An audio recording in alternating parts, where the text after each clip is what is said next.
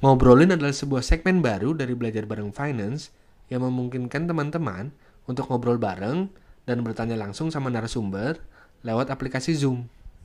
Nah, berikut ini adalah rekaman ngobrolin episode 1 yang ngebahas tuntas soal aplikasi-aplikasi binary options trading sejenis Binomo dan Olim Trade. Langsung aja ya, udah udah jam 7 juga nih. Nah, Boleh, silakan mungkin pertama-tama kita kita ini dulu rulesnya bahwa ini akan sampai jam setengah delapan. Karena kan ya. kalau terlalu malam juga ini malam minggu gitu kan walaupun nggak ke mana-mana tapi mau istirahat juga kan. Nah kita ngomongin kita mau ngomongin soal binary option trading. Mungkin teman-teman uh, agak agak samar atau mungkin belum pernah dengar gitu ya apa sih binary option trading? Nah memang sebenarnya yang perlu di apa namanya itu kenapa kita bikin ngobrolin soal binary option trading. Kenapa? Karena memang mereka itu jarang sekali untuk jualan sebagai binary option. Mereka sering kali mengaku bahwa mereka itu adalah perusahaan penyedia aplikasi stock trading atau forex trading. Nah, pertanyaannya kemudian adalah emang iya apakah mereka memang perusahaan yang eligible untuk uh, menyediakan aplikasi stock trading atau forex trading. Nah, kita ngomongin soal landasan hukumnya kalau gitu ya, kalau soal eligibility gitu. Nah, kalau ngomongin stock trading, kita ngacunya sama Undang-Undang Nomor 8 Tahun 95 tentang pasar modal. Nah, di situ tercantum bahwa perusahaan yang berhak untuk melakukan apa namanya jasa penyedia jasa stock trading itu adalah namanya perusahaan perantara efek atau mungkin lebih umum disebut perusahaan sekuritas meskipun biasanya perusahaan sekuritas layanannya tidak hanya perusahaan perantara efek. Nah, kemudian di di apa namanya siapa sih pengawasnya stock trading ini gitu. Nah, pengawasnya adalah pada saat apa namanya undang-undang ini dibuat tahun 95 itu pengawasnya adalah namanya Bapak PAM, Badan Pengawas Pasar Modal. Nah sekarang sudah tidak ada Bapak PAM-nya, sekarang itu yang ngawas adalah OJK. Kemudian untuk melihat siapa sih perusahaan-perusahaan yang berhak gitu ya untuk melakukan uh, jasa perantara efek. Nah teman-teman bisa ngelihat di di apa namanya di websitenya di dua website ini di yunabung saham idx.co.id atau di sama-sama web websitenya IDX sih Cuman di dua ini eh, teman-teman bisa lihat ya di yuknabungsaham.idx.co.id slash perusahaan strip sekuritas atau di idx.co.id anggota bursa dan partisipan. Nah, ciri-cirinya sebenarnya perusahaan yang melakukan stock trading, uh, penyedia jasanya gitu ya, itu biasanya dari namanya terlihat. Ada kata-kata sekuritasnya di sana. Kemudian perusahaan forex trading yang menyediakan jasa forex trading itu diatur sama undang-undang diatur oleh Undang-Undang Nomor 10 Tahun 2011. Itu sebelumnya nomor 32 Tahun 97 tentang perdagangan berjangka komoditi. Nah, komoditi yang dimaksud di sini adalah forex-nya gitu ya. Nah, yang berhak itu berdasarkan undang-undang tersebut itu adalah perusahaan pialang berjangka. Nah, yang mengawasi itu ada Kementerian Perdagangan secara spesifik diawasi oleh Bapak Peti. Nah, perusahaan terdaftarnya itu bisa dicek sendiri di website Bapepti di bapepti bapepti.co.id garis miring pialang berjangka. Terus keywordnya apa? Nah, sama hmm. kak. Keywordnya sama. Jadi kalau perusahaan yang menyediakan jasa stock trading itu ada nama sekuritasnya di nama PT-nya. Nah, kalau di sini di nama PT-nya itu kalau tidak ada nama, tulisan berjangkanya, ada futures-nya. Nah, kemudian dari dua yang mereka suka aku ini, gitu ya. Mereka yang suka mengakui bahwa mereka adalah stock trading dan forex trading. Kenyataannya perusahaan binary option ini tidak termasuk dari keduanya gitu. Dan sebenarnya jadi pertanyaan juga bahwa ada orang yang mengaku sebagai orang lain itu sebenarnya harus kita waspadai juga gitu ya. karena dia tidak cukup percaya diri dengan dirinya gitu loh. Dia tidak cukup percaya diri dengan apa yang dia jual. Jadi itu yang bikin apa namanya kita harus hati-hati juga sebenarnya dengan apa yang namanya binary option ini. Oh, uh, Yud, mau tanya deh, di sini itu uh, harus diawasi dengan OJK atau Bapepti. Tapi oh. seberapa seberapa penting ya uh, ini harus diawasi oleh mereka? Hmm, karena sejujurnya ya, gue pun hmm. ini baru tahu tentang binary option. Oke. Okay. Terus uh, keywordnya sekuritas, uh, terus ada berjangka, ada future juga hmm. dan ini ini ini ini terlihat kayak produk baru. Gue nggak tahu sih ini bener atau enggak ya. Okay. Uh, eh, produk baru atau enggak karena baru baru baru sampai di kuping gue. Hmm. Nah kalau baru itu uh, perlu diawasi oleh OJK okay, juga okay. ya? Oke okay, oke okay, dapat dapat. Jadi uh, mungkin yang bisa pembelaannya gitu ya mungkin oh ini kan barang baru gitu loh mungkin aja belum daftar ke OJK, belum mungkin juga belum daftar ke Bapepti gitu kan. Mungkin itu pembelaannya hmm. gitu ya. Tapi sebenarnya uh, kita pakai logika gini deh. Sebenarnya kalau gini ini logika saya sebenarnya. Logikanya adalah uh, oke, okay, kita bisa lihat kasus yang kejadian belakangan gitu. Ambil contoh yang paling besar aja ya. Baru baru kemarin ya. Itu soal Jiwasraya. Jiwasraya itu kan secara asuransinya diawasi oleh OJK. Terus juga portofolionya, reksadananya gitu ya, itu juga diawasi oleh OJK. Gitu. Manajer investasi yang mengelola reksadananya si Jiwasraya itu kan di, diawasi juga sama OJK. Terus pertanyaannya, kok bisa fraud gitu? Karena sebenarnya segala sesuatu yang berkaitan sama keuangan itu rentan sekali untuk terjadi yang namanya fraud. Apa pun sebenarnya. Karena sebenarnya Apakah itu salah OJK? Mungkin saya nggak bisa komentari lebih jauh, tapi sebenarnya yang namanya industri keuangan itu tidak ada yang 100% secure gitu. Bahkan SEC-nya Amerika juga eh, sering sekali bermasalah juga gitu. Nah, terkait soal SEC gitu ya, mungkin mungkin kita bisa ambil contoh. Oke, okay, mungkin menurut SEC gimana sih? Menurut US gimana gitu ya? Tadi kan mungkin di, di Indonesia entah itu OJK atau itu Bapepti tidak terdaftar dan tidak ter uh, tidak terawasi gitu. Mungkin di SEC mungkin terawasi gitu ya. Nah sebenarnya saya juga sempat cari-cari tahu gimana sih uh, pandangannya SEC gitu terhadap binary option. Nah ini ada di slide berikutnya. Nah sebenarnya teman-teman juga bisa cari ini surat edarannya gitu. SEC sama CFTC apa sih si SEC gitu? Kita bahas dulu SEC apa sih? SEC ini kalau di Indonesia kan di Indonesia itu ya namanya OJK terus si FTC itu apa sih? Si FTC itu ya di Indonesia ya namanya Bapepti gitu. Cuman ya SEC yang mengawasi di pasar modal di Amerika si FTC yang, mengaw yang mengawasi soal futures di uh, Amerika gitu. Kalau di Indonesia ya OJK dan Bapepti gitu. Sama aja sebenarnya. Cuman beda wilayah jurisdiksinya aja kemudian apa kata mereka gitu? Mereka bahkan ini kalau lihat judulnya aja udah udah udah udah udah bisa ketebak sebenarnya isinya apa gitu. Binary options and fraud. Teman-teman bisa google juga sebenarnya. SEC binary options and fraud itu keywordnya. Nah menurut mereka binary option mereka jelasin juga tuh apa sih binary option trading? Nah binary option trading itu bergantung sama hasil yes or no. Maksudnya apa? Nah jadi di binary option trading itu teman-teman akan diminta untuk menebak diminta untuk menebak apakah harga sebuah aset itu akan naik atau turun pada uh, exercise time yang ditentukan sama mereka.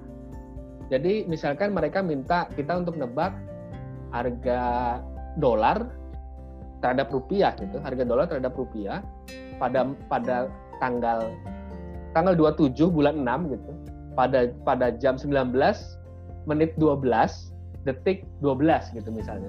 Mereka akan tanya kita di aplikasi itu ya, aplikasi binary options itu ya. Mereka akan tanya apakah harganya akan turun atau naik menurut kita gitu. Nah, kita akan diminta untuk itu. Nah, ketika apa namanya? Ketika tebakan kita betul, baru kita gain uh, uangnya gitu ya.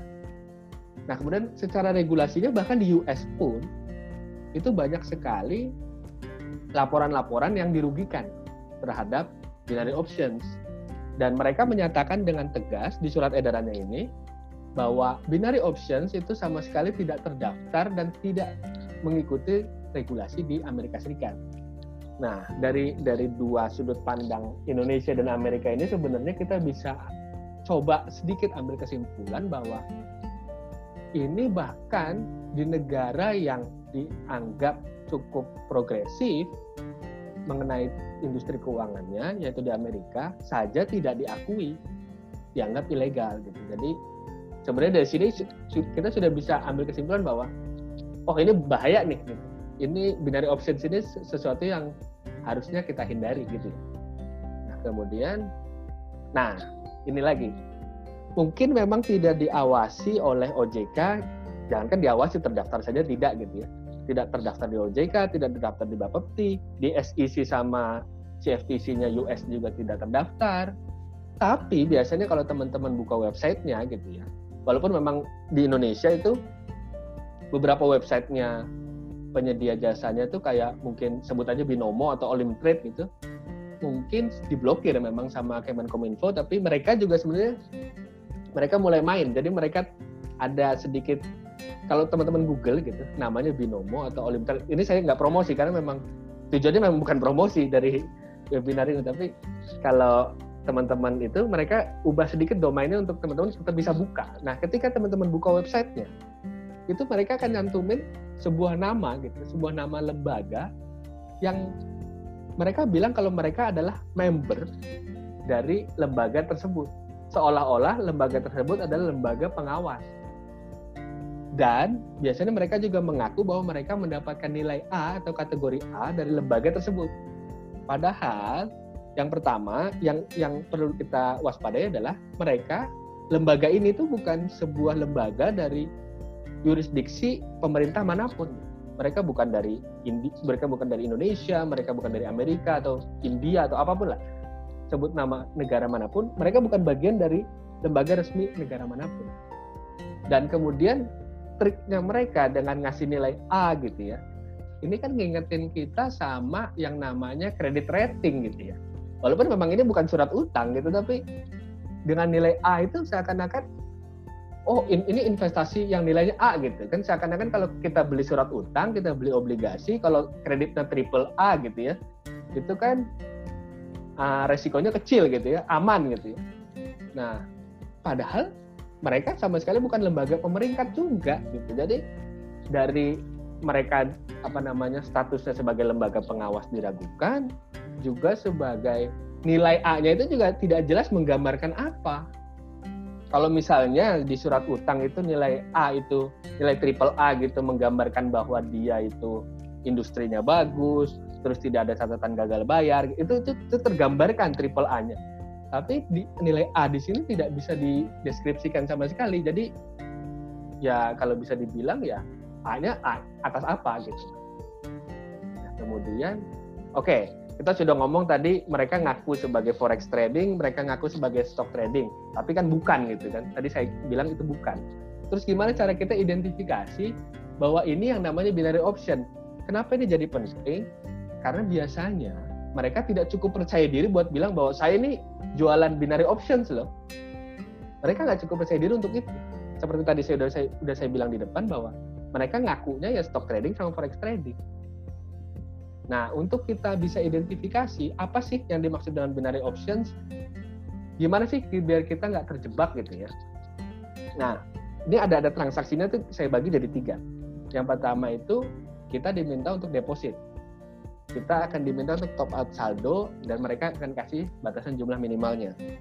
Nah sebenarnya kalau ngomongin deposit, sebenarnya ya stock trading, forex trading, ya mereka juga minta top up saldo juga gitu kan untuk beli asetnya gitu. Nah, kemudian yang menjadi ciri khas itu ada yang di nomor dua. Itu yang namanya tadi sempat disebut yes or no. Nah, mereka akan di dalam dalam jangka waktu yang mereka berikan, itu kita pengguna itu akan diminta untuk nebak.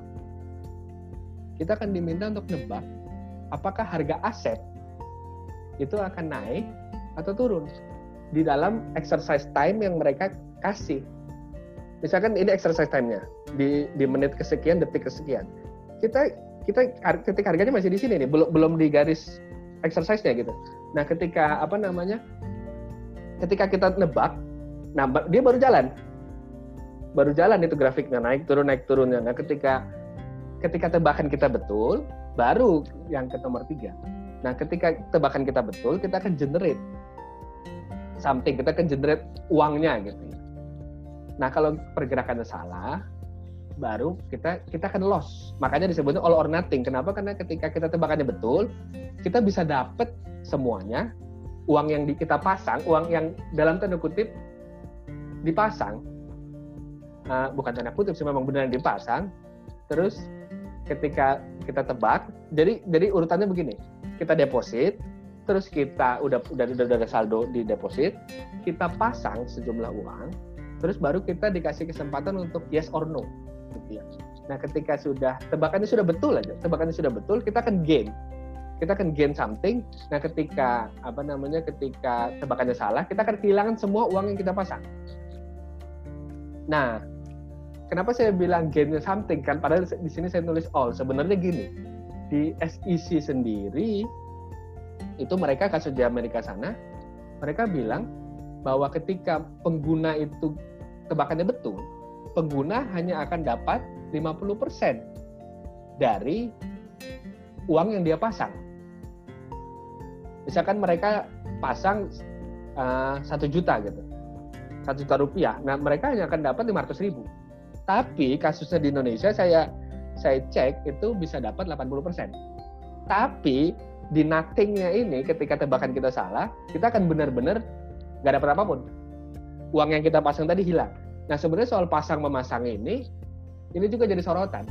Sebenarnya jadi sorotan saya bahwa mereka itu ketika di aplikasinya, mereka nggak bilang kalau kita masang.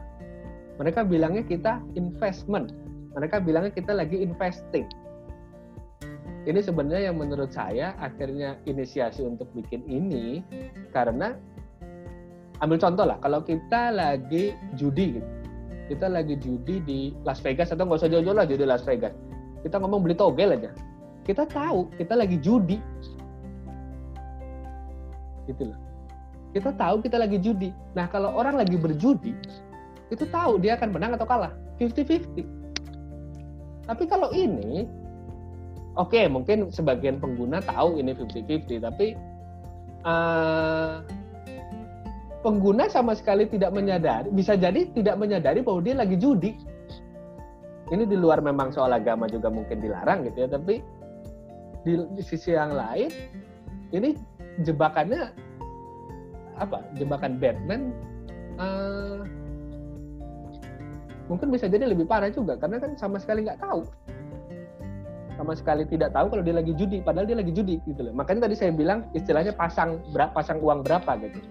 Karena di aplikasi itu mereka nggak nulis you pasang berapa tapi you invest berapa. Gitu. Mungkin di sini ada yang kebolak kebalik penjelasannya mungkin nggak ya? Mungkin oh, gini sih. coba deh gini sih mungkin teman-teman kalau ada yang uh, ada yang penjelasan saya terlalu cepat atau terlalu lambat atau terlalu bolak balik teman-teman bisa langsung chat aja di grup chat ya. Mau nanya apa gitu mungkin nanti uh, Sisil yang akan bantu ngekat saya lagi ngomong. Oke okay, okay gitu ya. Teman-teman uh, langsung chat aja ya. Kalau oke okay, okay. Yud sebentar deh Yud. Hmm. uh, ini ada sih okay, dari apa? Mas Rido. Halo Mas Rido mau nanya. Ya dok. Halo dok. Kenapa kenapa pertanyaannya apa uh, itu poin nomor dua. Lagi-lagi okay. sama sih pertanyaannya dengan uh, yang gue bingung ya. Keyword yes or no ini kalau uh, sorry ya kalau gue salah dari penjelasan dari penjelasan lo tadi Yud. Hmm. yes or no itu kita disuruh nebak. Iya. Itu kan uh, which is itu itu very tricky kan buat kita. Ya. uh, karena very tricky itu gimana kita bisa oke oke oke. jadi jadi gini jadi gini. Sebenarnya istilah yes or no itu bukan bukan saya yang bikin. Yes or no itu pertama SEC dari surat edarannya itu mereka yang sebut yes or no proposition gitu ya. Kalau saya sih nyebutnya kita nebak naik apa turun gitu. Nah mereka mereka yang kasih ah ya kayak bullish bearish cuman apa namanya mereka yang tentuin ini akan naik segini atau turun segini. Gitu. Jadi bukan kita yang analisa. Pertama memang kita tidak punya cukup waktu untuk analisa gitu ya. Karena kan exercise exercise time-nya tuh cepet dan nggak jauh dari waktu kita pasang. Jadi pas kita deposit terus kita pasang gitu ya. Kita mau main di aplikasi ini ya langsung kita diminta juga nebak di menit kesekian dalam waktu yang nggak jauh itu ini harganya naik apa turun? Gitu dong jadi nggak nggak ada waktu buat analisa makanya that's why gue nggak bisa bilang kalau ini investment. Makanya nggak setuju juga dengan istilah investasi yang mereka pakai karena nggak nggak ada waktu untuk analisanya kita nggak sempat baca uh, kita nggak sempat baca apa pun yang yang ada di pasar gitu entah itu laporan ya karena nggak ada laporan keuangan juga kan gitu. uh, terus juga apa namanya kita nggak bisa lihat pergerakan pasar segala macam tricky sih oke okay, oke okay. terus kita lanjutin oke okay, tadi soal gimana transaksinya terus ini soal masalah-masalah apa aja yang terjadi di binary options ini saya kutip dari surat edarannya SEC sama CFTC yang tadi. Itu ada berapa halaman? Ada berapa belas nih. Nah, pertama itu masalah yang pertama yang umum banget itu adalah pencurian data kredit, kartu kredit atau kartu identitas. Nah, ini sebenarnya sih nggak cuma binary options ya, apa pun gitu ya. Apalagi zaman sekarang itu data kartu kredit sama kartu identitas itu rawan banget gitu dicuri. Tokopedia aja bisa ini kan. Eh salah saya sebut merek lagi. Ribet sensornya nanti. oke okay lah apa namanya pokoknya banyak lah kejadian pencurian data tapi yang perlu disoroti adalah dua ini nih penolakan pengembalian uang nah di Amerika itu banyak laporan ke SEC bahwa ketika kita sudah kita sudah menang nih dalam tanda kutip kita sudah menang tebakan kita sudah benar terus terkumpul sejumlah uang kita mau ngambil. Misalkan udah menang berkali-kali kekumpul 500 juta gitu. Terus kita mau ngambil terus tiba-tiba nggak bisa dihubungin. Terus tiba-tiba hilang gitu. Itu masalah yang yang yang kedua. Yang ketiga itu manipulasi software. Oke memang sebenarnya kita bisa ngeliat juga pergerakan harganya naik dan turunnya itu di aplikasi lain gitu di third party aplikasi gitu bisa di Yahoo Finance atau teman-teman mungkin di pengguna Apple tuh ada lagi gitu kan. Itu bisa kita lihat real time tapi yang jadi masalah adalah mereka tuh melakukan manipulasi. Jadi misalnya kita tebak nih di exercise time yang mereka kasih harganya naik kita tebak naik gitu. Kita pilih aja gitu naik. Memang ini pilihannya hanya ada dua gitu naik atau turun gitu. Ada dua aja merah atau hijau gitu. Nah kita pilih naik nah ketika kita pilih naik softwarenya akan buat itu turun. Gitu juga sebaliknya ketika kita tebak itu harganya akan turun mereka akan naik. Nah manipulasi software ini itu tidak hanya terjadi menurut saya karena karena saya sebenarnya sebelum bikin uh, ngobrolin ini saya sempat juga apa namanya trial trial aplikasinya nih. Jadi bela-belain juga nih bikin trial account nah ketika lagi bikin trial account lagi demo gitu ya jadi ketika kita daftar trial account mereka akan kasih sejumlah uang yang tentu aja nggak bisa ditarik jumlah uang itu karena kan bukan uang kita juga nah ketika kita pilih naik atau turun pilihan saya itu selalu benar. Gak tahu kenapa. Misalkan saya lagi pilih turun nih, benar turun grafiknya. Ketika saya pilih naik, naik grafiknya. Dan saya ragu, saya punya kemampuan cenayang gitu. Ragu aja gitu, karena kalau punya kemampuan cenayang dari dulu stop trading aja gitu kan. Tapi inilah intermezzo aja. Tapi it, saya rasa manipulasi software juga bisa jadi terjadi pada saat lagi kita lagi bikin trial account biar kita deposit betulan. Nah, ketika deposit betulan, baru kita uh, dihadapkan pada posisi yang kalah tadi. Ketika kita pilih naik, dia akan turun, dan ketika kita pilih turun, dia akan naik. Gitu, gitu sih. Uh, oke okay, oke. Okay. Mungkin kalau ada pertanyaan lagi, kalau kecepatan atau terlalu bolak-balik atau cukup sih. Uh, tadi kan udah cukup diidentify ciri-ciri binary option ini. Terus udah dikasih tahu juga ya masalah binarinya itu apa. Jadi ya setidaknya untuk gue yang masih sangat awam tentang binary option tuh udah ke capture lah. Oke. Okay. Dari dari poin-poin tadi. Ya mungkin teman-teman teman-teman yang udah join bisa nanya di grup chat nanti mungkin Mas Yuda akan menjawab pertanyaan-pertanyaan. Masih ada waktu sekitar 4 menit lagi sih. Oh, oke. Okay. berapa lama di app yang masih udah pakai? Oke sebenarnya ini ini dulu ya. Saya nggak pakai saya cuma trial aja. Jadi jangan. Oke. Sebenarnya mereka tuh nggak nggak nggak nggak nggak beda. Saya nggak ngitung detiknya sih tapi hitungannya tuh kayaknya detik. Saya nggak nggak ngitung berapa detiknya tapi det, dia tuh cepet. Jadi misalkan gini ini grafiknya lagi di sini nih grafiknya lagi di sini kita harganya di sini kita disuruh nebak pas lagi di sini nah ini waktu exercise time-nya tuh deket aja gitu jadi ketika kita pilih klik dia baru gerak nggak ada 10 detik tuh nggak ada kayaknya setelah kita kita pilih naik atau turunnya itu sih Kayak ada pertanyaan dari uh, uh, Mas Aan nih. Iya itu. Exercise time-nya. Itu itu yang saya jawab tadi. Oke oke oke oke. Itu sih mungkin Mas Aan. Saya nggak ngitung berapa persis detiknya tapi nggak lama sih nggak nyampe 10 detik sih katanya.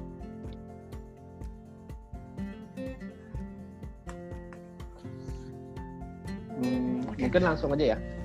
Lanjutin hmm. lagi ya. Ah, sebenarnya ini juga ada pertanyaan dari teman-teman yang email sih. Ini Mario ada nggak nih? Nggak ada kayaknya ya. Tiduran kali dia.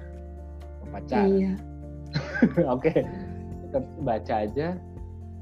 Halo Pak Yuda, nama Mario, masih muda nih. Terus pendengar belajar bareng finance, tertarik terkatanya apa yang membedakan dengan kalau kita trading forex atau saham pada umumnya? Nah itu tadi. Nah kalau kita trading forex atau kita trading saham kita milikin asetnya. Kita kuasai asetnya terus kita punya kebebasan untuk exercise untuk kapan mau jual kapan mau beli? Suka-suka saya gitu loh. Nah kalau ini enggak exercise time-nya ditentukan. Itu yang pertama. Yang kedua kita tidak memiliki asetnya di sini. Ini nggak jelas asetnya siapa. Kita cuman uh, kita cuman disuruh nebak aja naik apa turun. Kita bahkan nggak disuruh beli. Gitu.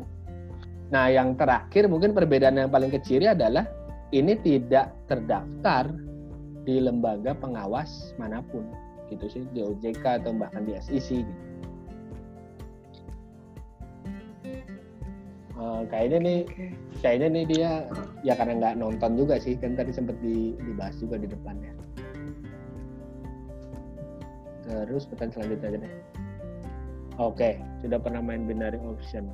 Ana saya pendengar baru podcastnya. Sebetulnya lagi tertarik dengan aplikasi trading B dan O oh ya yang tadi ini saya sebut ya binomo gitu atau olim trade gitu ya pendapatan sedang tidak ada karena di PHK dan iklannya menarik sekali ya ini gara-gara mau bikin uh, ngobrolin ini juga bolak-balik eh bolak-balik iklan tuh ya binomo sama Olim Trade menonton YouTube. Mas Yuda sudah pernah pakai salah satu. Oke, yang tadi jawabannya saya bikin trial account untuk bikin ngobrolin ini. Saya coba. Nah, tapi sebenarnya jawabannya gini sih. Untuk bisa tahu, ah lu kan sotoy kali yot kan, lu nggak pernah nggak pernah pakai betulan gitu ya, lu kan nggak pernah deposit betulan. Itu kan hanya apa namanya lu ngejudge aja kali gitu kan. Sebenarnya kan gini aja sih. Lu lu tahu ada lubang di depan gitu kan. Lu kan bisa belok kanan atau belok kiri. Lu jangan lewatin lubangnya gitu. Nah dari dari penjabaran tadi di depan bahwa ini itu beresiko bahkan tidak hanya beresiko tapi ini bahkan bukan sebuah bentuk investasi menurut saya. Bukan sebuah bahkan bukan sebuah trading juga gitu loh. Karena kan ketika definisi trading itu kan perdagangan perdagangan itu kan adalah sebuah kegiatan jual dan beli. Ketika you jual dan you beli baru itu disebut trading. Nah untuk untuk Mbak Ana yang mungkin sedang tidak bekerja sekarang dan sedang butuh tambahan pendapatan gitu ya. Saran saya sih ya jangan ke binary options. Karena ya resikonya tinggi banget gitu. Dan ini bukan sumber pendapatan sih menurut saya ini mah kayak ya saya nggak menyarankan orang judi sih. Nanti dosanya saya ikut kena juga.